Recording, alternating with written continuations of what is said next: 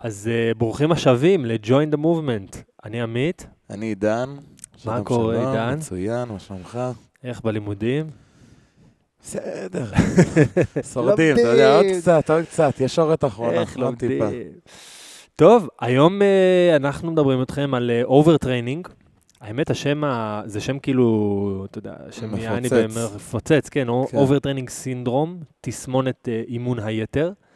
למה, אגב, אתה מחובר לטופיק הזה ספציפית? אה, בוא נפתח בסיפור. בוא נפתח בסיפור, אוקיי. אני אה, עשי- עברתי תהליך, החזיתי אמנו במשקל, נכנסתי כאילו בפול פאוור לתוך העולם הזה של הספורט. אני נותן פה כוכבית למאזיננו, כן? לכו תמצאו את פרק מספר, לא יודע מה, כן. שלוש או ארבע הראשונים שעשינו, ותביא, כאילו, תשימו את הסיפור של, אה, בדיוק, כן, של איך ירדת מ-127 קילו ל-70, כן. אז, אה, כמה זה היה במינימום? במינימום הגעתי ל-82 כזה. וואו.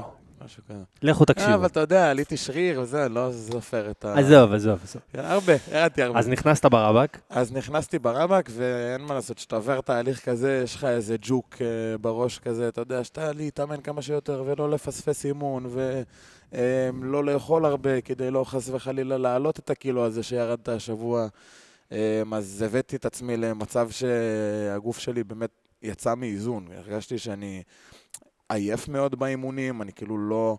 לא חוזר לאימון אחרי שהתאוששתי כמו שצריך ובא ונותן בראש, אני מרגיש עייף באימון, אה, כאבי מפרקים, אפילו הלכתי לעשות בדיקות דם, ראיתי שיש לי שריר שמתפרק לתוך מחזור הדם, שזה לא, לא סבבה. לא סבבה, זה זהו, מסוכן מאוד. אה, זה מסוכן, כן, זה מסוכן, לטווח הארוך זה מסוכן. ו... זה הדליק אצלך את הנורה, זאת אומרת, לתסמינים האלה באת ואמרת, אוקיי, משהו פה זהו, דפוק. עד, עד שעשיתי את הבדיקות דם, אני כאילו הבנתי שאני מתאמן חזק מאוד ושכנראה אני לא נח מספיק, או לא אוכל מספיק טוב. אמ, אבל, אבל כאילו, אתה יודע, הייתי כל הזמן במרוץ כזה נגד עצמי, של לא לפספס את האימון הזה, ולא לוותר על האימון רגליים הזה, כי לא עשיתי כבר כמה ימים טובות, ולרוץ אחרי האימון, ולא לוותר על זה. עד שאתה כאילו מעמיס ומעמיס ומעמיס, אתה כאילו מרגיש שאתה עושה טוב, כי אתה לא רוצה לוותר, ואתה כאילו בא ומתאמץ ונותן את כל כולך, אבל אתה שוכח שמדובר כאן בסופו של דבר אה, בגוף שצריך לאושש את עצמו, זה, זה מכונה ביולוגית, זה לא ככה, כבקשתך עכשיו בא לי להתאמץ ואני יכול אה, חופשי.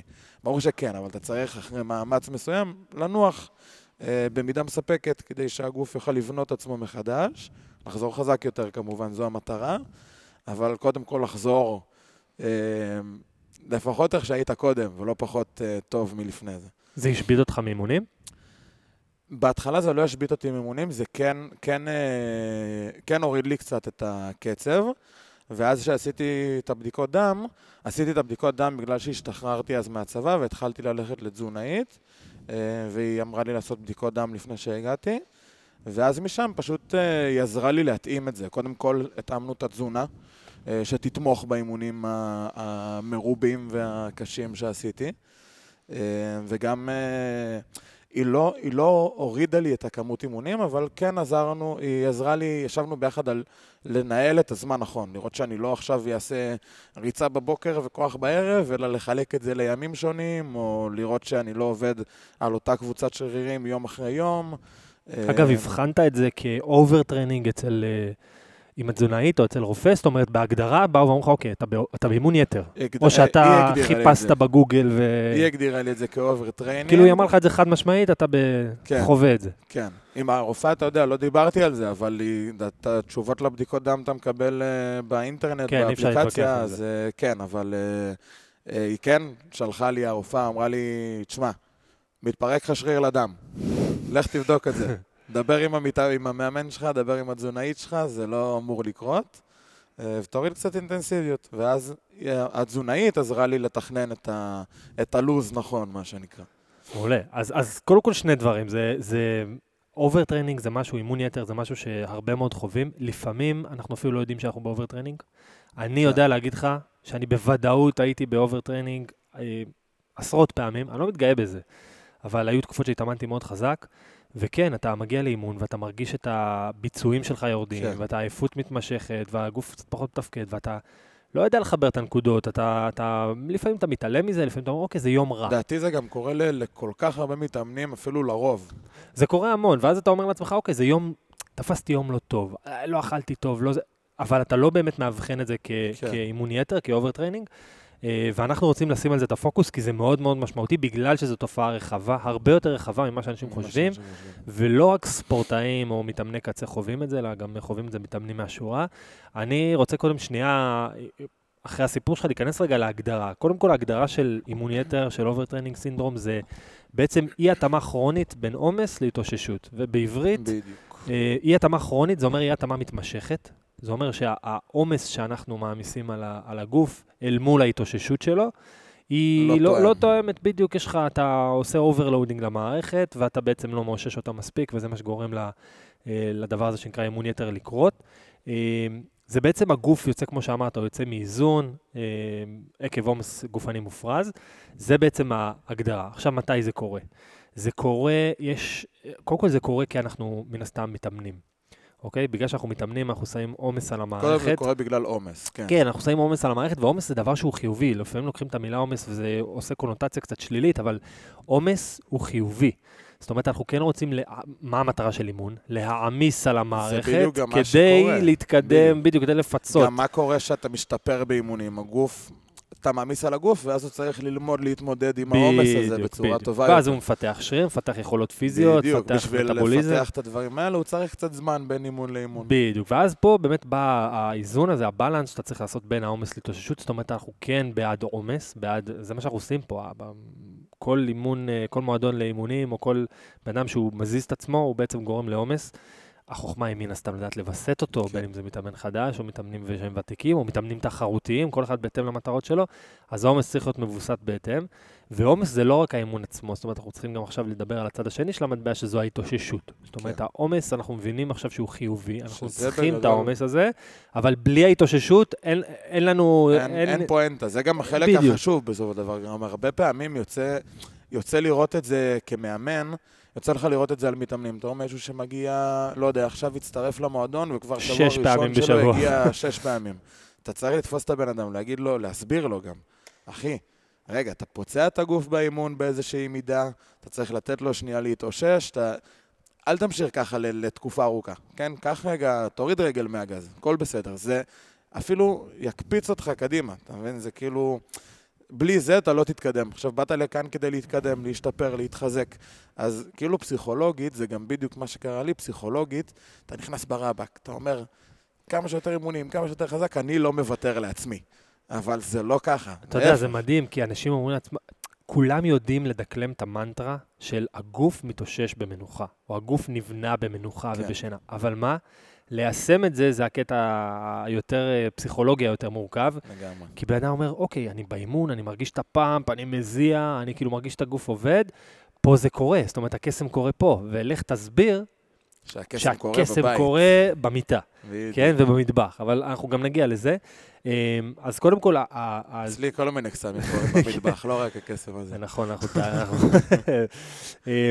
אז לא- אז זה קורה עוד פעם, בגלל עומס, חוסר איזון בין העומס להתאוששות, ויש עוד דברים שהם גורמים, אה, תורמים מסביב. זאת אומרת, זה לא רק נטו, באתי לאימון, קראתי את עצמי שהוא לא... זאת אומרת, התאמנתי חזק מדי, או שלא מתאים ל- ליכולת שלי, ולא לדוגמה? התאוששתי מספיק, אבל זה, יש פה עוד, עוד דברים שהם אה, סטרס נפשי, חוסר שינה, תזונה לקויה, זאת אומרת, הדברים האלה אה, מסווגים כביכול כגורמים תורמים, אבל יש להם משמעות לדוגמה... מטורפת. בדיוק, לדוגמה, היום אני לומד. עכשיו, אני כבר עם ניסיון מהעבר, היום אני, אני בתקופה שהיא עמוסה יחסית. אז אני יודע לנהל את הזמן שלי בצורה כזאת. אין לי אולי את השעות שינה שאני רוצה תמיד, כי אני גם מאמן ואני גם לומד ואני גם מתאמן, אז אני קצת פחות אה, מאושש את עצמי כמו שצריך. אז הלו"ז שלי הוא מאוד מאוד עמוס. אה, אז אה, כן, זה דברים שכאילו, אין מה לעשות, יש תקופות בחיים ואתה צריך להתאים את זה. אז נגיד בתקופה הזאת אני מתאמן קצת פחות. אה, ואני- במודע, זאת אומרת, באת במודע. ואמרת, אני בתקופת מבחנים, בדיוק, ואני מרגיש מצוין עם זה, כן? זה לא שאני מרגיש עכשיו שאני מפספס, או... כי אני מבין מה עומד מאחורי זה. אני מבין שאם אני... כן, זה זמני. אם אני גם אעמיס על עצמי, עזוב רגע פיזית, אם אני אעמיס על עצמי עכשיו גם את האימונים וגם את הלימודים וגם זה באותו מידה שעשיתי כשהיה לי קצת יותר זמן ביום-יום שלי, אז אה, זה יוצר סטרס, זה יוצר כל הזמן לחץ, אתה כל הזמן במרוץ נגד השעון, ולהגיע ככה לאימון, אה, זה לפעמים, אה, אתה יודע, אתה לא מגיע זה ב-100% נפיץ, פוקוס. נפיץ. זהו, זה לגמרי, זה מתכון לאסון. אה, אז או שאני מוריד קצת את הכמויות אימונים, או שאני מגיע לאימון והוא קצת פחות אה, מאתגר, אני אה, נותן לגוף שלי לעשות את זה בהדרגה ובאיטיות. אה, וזה תקופות, אין מה לעשות, תמיד, אה, תמיד יהיה איזה משהו כזה. עכשיו, לקהל מאזיננו, בואו נדבר שנייה על מה, מה קורה בתוך הגוף. זאת אומרת, איך אתם מזהים שאתם ב-overtraining? והזיהוי פה הוא, הוא... קודם כל אנחנו מתחילים ב, בדברים שאנחנו יכולים ממש אה, להרגיש, שזה חולשה שרירית. אנחנו רואים שיש ירידה בביצועים, זאת אומרת, אתה פתאום רואה שאתה מגיע לאימון, ולא יודע מה. היית קופץ על ארגז והיית מרגיש עם זה סבבה, ופתאום קשה לך לקפוץ, כן. או, או משקל מסוים שהיית מתמודד איתו יחסית בקלות, הוא פתאום מרגיש לך יותר מדי כבד. וזה לא בגלל שהיום ספציפית לא ישנת טוב בלילה, אלא זה, זה קורה אימון אחרי אימון אחרי אימון, ואז אתה מגלה פה איזשהו דפוס. אמ, יש דברים גם שקורים בתוך הגוף, שזה ירידה ביעילות המכנית שלנו, לייצר כוח, ירידה בסף אה, אה, חומצות חלב, ואפילו זה יכול להגיע לתפקוד לקוי של המערכת ההורמונלית, שזה משפיע באמת על כל אה, מה שקשור לייצור הורמונים, טסטסטרון ודברים כאלה. עוד שנגיד אני הייתי נרדם גם בכל מצב. כן, כאילו, זהו, עייפות מתמשכת, זה... הייתי נרדם, הייתי כאילו חוזר הביתה מאימון, כאילו מתקלח ובום, ישן עד הבוקר, זה היה גומר או. קם בבוקר, קשה מאוד לקום בבוקר, כי נכון. אתה עייף ממש. היית- הייתי צריך לנער את עצמי כדי להצליח אגב, אם. אתם לא מתאמנים ואתם חווים את התסמינים האלה, אז זו בעיה אחרת, זה לא בעיה של overtraining, זה בעיה כנראה של ניהול סטרס, שינה, כן. תזונה ודברים כאלה. אמ, אבל אפשר, אה, אפשר, אפשר לזהות אה, אימון יתר אה, יחסית בקלות. זאת אומרת, יש תסמינים שהם נמצאים שם, רק צריך להיות ערניים כן. אליהם. בן אדם שהוא מתאמן תקופה, כבר חצי שנה, שנה, שנה וחצי, הוא מכיר כבר את הגוף שלו, הוא יזהה את זה יחסית בקלות, לעומת מתאמן חדש, שנצטרך שנייה לשים את הפוקוס ולהגיד לו, תקשיב, נראה לי שמשהו פה קורה, כן. ואז אה, אפשר לאבחן את זה גם מבחוץ. אה, אני רוצה רגע לגעת גם מה ההבדל בין DOMS ל-overtraining. אגב, DOMS, שזה כאבי שרירים מאוחרים, יש לנו פודקאסט שעשינו על זה פרק לפני, לא זוכר, כמה, לכו תחפשו את זה בספוטיפיי שלנו.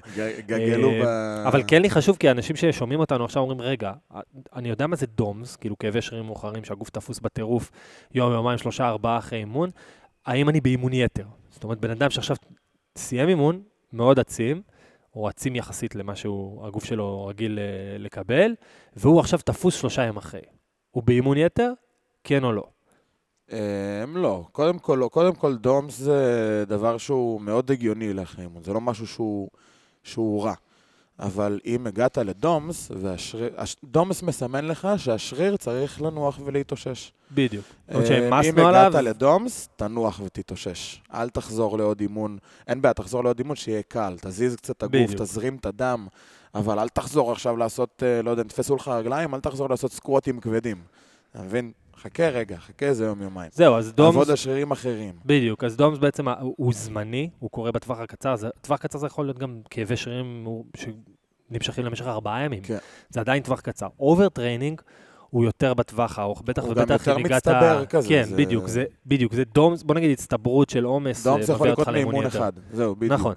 אמ, וב-overtraining גם יש, יש דברים פיזיולוגיים שקורים בגוף שהם יותר משמעותיים, כמו שונים. פירוק של אה, כן. שריר ודברים כאלה שדיברנו עליהם.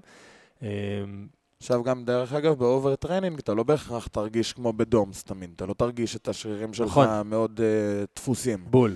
אה, יכול להיות שאתה תרגיש את זה בהתחלה, אבל אז כאילו עם הזמן השריר קצת ישתחרר, יצאו ממנו כל החומצות חלב, שזה מה שגורם לנו להרגשה השורפת הזאת בשריר, אה, ופשוט הרקמה לא מתאחה, אז אתה כבר לא מרגיש שורף, אבל בדיוק. הרקמה לא מתאחה. אתה יכול להיות ב-overtraining, אתה יכול להיות במצב שאתה באימון יתר, אבל השרירים שלך לא תפוסים. כן, זאת אומרת, לגמרי. העמסת את המערכת לאורך זמן, אבל הגוף שלך, זאת אומרת, השרירים נקודתית, הרגליים שלך היו תפוסות יומיים שלושה, השתחררו. אבל ה-system, כל המערכת שלך היא ב-overload, כן. ואתה נמצא באימון יתר מבלי שהשרירים שלך כואבים. אה, ויש פה הבדל וצריך לדבר עליו, כי אתה, שוב, זה שאתה תפוס זה לא אומר שאתה ב-overtraining, וזה שאתה ב-overtraining זה לא בהכרח אתה חייב להיות תפוס בגוף. נכון. אוקיי? אז זה שני דברים שצריך לשים אליהם לב. אה, איך נמנעים? זאת אומרת, מה עושים? כדי קודם כל לא להגיע ל-overtraining, כי זה מה שאנחנו לא רוצים להגיע. אז אה, קודם כל, אה, תתייעצו עם המאמן שלכם. זה הרעיון הכי טוב, אה, והוא יעזור לכם לנהל את הזמן, את, לא רק את הזמן, לנהל את העומסים. זה לא עניין של זמן בהכרח, זה עניין של עומסים. זה כן אומר מתי להתאמן, מתי לנוח, כמה קשה להתאמן, וכמה לדחוף, לדחוף לא, באימון, בדיוק. מתי להוריד קצת קצב. אה, אגב, בניוזלטר של השבוע שעבר דיברנו על ניהול- עומסים, לכו נכון. לקרוא. חשוב מאוד. אה, הלינק ב bio שלנו באינסטגרם, תכנסו, יש שם ניוזלטר, תלכו, יש שם את כל הניוזלטרים של השנה האחרונה. כן. אה, ועוד דבר שהוא מאוד, זה לא, זה לא יפתור את הבעיה, כן, אבל אם האימונים שלך מאוד קשים ואתה לא נח מספיק, זה, זה כבר יביא אותך ל overtraining, אבל כן חשוב לאכול בהתאם לאימונים שלך.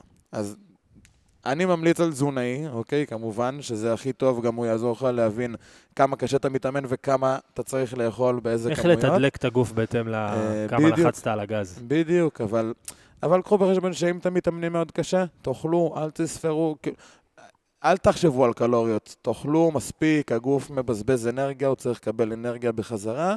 אם אתם רוצים תוצאות קצת יותר מדויקות, לכו לתזונאי. זה, זה זה. ההמלצה שלי. אה, אז קודם כל, אז ניהול, דיברנו, ניהול עומסים, התאוששות, שזה חלק מהניהול עומסים, אה, תזונה, שאני לגמרי, לגמרי חושב שזה אחד המרכיבים כאילו החיצוניים, אבל הכי משמעותיים, אה, ושני דברים אחרונים שהם כאילו הכי, איך אומרים את זה? underrated ב, ב, בתחום שלנו, שלשמחתי אבל מת- מתחיל לצבור יותר... יותר ויותר שיח והבנה ששני הדברים האלה הם, הם הגורמים מספר אחת ל, כן. למחלות ולאלף ואחת דברים, שזה שינה וסטרס. שינה וסטרס זה שני הדברים, כאילו, שינה זה להתחבר לחשמל, זה כאילו ממש לט... לטעון את הגוף מחדש, תחשבו על לכבות את הטלפון המוח. שלכם. הטלפון שלכם לא ימשיך זהו, לעבוד אני, אם אני הוא לא יישן. מלא אומרים את ה, את ה... עושים את ההשוואה לטלפון, אני, אני, אני חושב שזה עושה עוול, למה? כי כשאתה מכבה את הגוף במרכאות ונותן לו לישון, אתה מכבה את המוח, אתה מוריד את הסיסטם, כן. אתה מוריד את הטמפרטורה של הגוף, מוריד את הקצב לב, נותן לגוף להיכנס לאיזשהו מצב של hybrid כזה, hibernate, ושם אתה, אתה באמת, כל הגוף שלך עושה תהליכים, הרי שאתה ערני, אתה מנתב את ה... הגוף שלך מנתב את האנרגיות כן. בהתאם למה שאתה עושה, אם אתה הולך, אם אתה אוכל, אם אתה, אם אתה רץ, אם אתה מדבר זה בטלפון. אפילו לקלוט אור בעיניים. זה- הכל, ושם הוא מנתב, הגוף יכול לנתב את כל האנרגיות שלו ואת כל מה ש... אה, כל המערכת ההורמונלית, המערכת העצבית, הכל, למקומות שצריך. לשיקום. בעצם. לשיקום, להתאוששות, בין אם זה מנטלית. בדיוק, בין אם זה מנטלית, בין אם זה פיזית. שינה זה הדבר הכי טוב שיכול אה, כן. לקרות לכם בחיים, שינה טובה ועמוקה ואיכותית, וסטרס. סטרס זה, שוב, זה נושא בפני עצמו, ניהול לחצים, זה איך אנחנו... תרגיעו את עצמכם. כן, איך. אנחנו מצליחים להרגיע את עצמנו ביום-יום, בין אם זה לחץ בעבודה, לחץ מהלימודים. מי כמוך יודע עכשיו אה, כן, כן, זה שאתה הרבה- נמצא, ב- זה משפיע עליך. אה, אז זה הדברים שיכולים אה, לתרום, וכמובן, כמובן, פתחת עם זה, זה להיות בתוך מסגרת אימונים ותוכנית אימונים שהיא מסודרת ושהיא מתאימה ספציפית למטרות וליכולות שלך. אה, כי בסופו של דבר אנחנו מתאמנים כדי להתקדם. ואם אנחנו נגיע למצב של overtraining, אם אנחנו נעמיס על המערכת ואנחנו אנחנו נגיע למצב של פציעה, ההפך. בדיוק, אז אנחנו נצטרך לשבת בבית ולנוח, ואנחנו מבזבזים את הזמן, כן. ובמקום להתאמן, אז אנחנו אה, נחים אה, too much, אז ההתאוששות והניהול עומסים זה משהו שצריך לתת אליו אה, תשומת לב כבר מהיום הראשון שאתם מתחילים לזוז. אה, זהו, נראה לי שזה יספיק לעת עתה על overtraining. כן, יאללה, קחו את זה לאימונים. תנו בראש, תנוחו. הכי חשוב. תנוחו, בדיוק, תנוחו. יאללה, עד הפרק. הבא. עידן, תודה. תודה לך. יאללה, ביי. ביי ביי.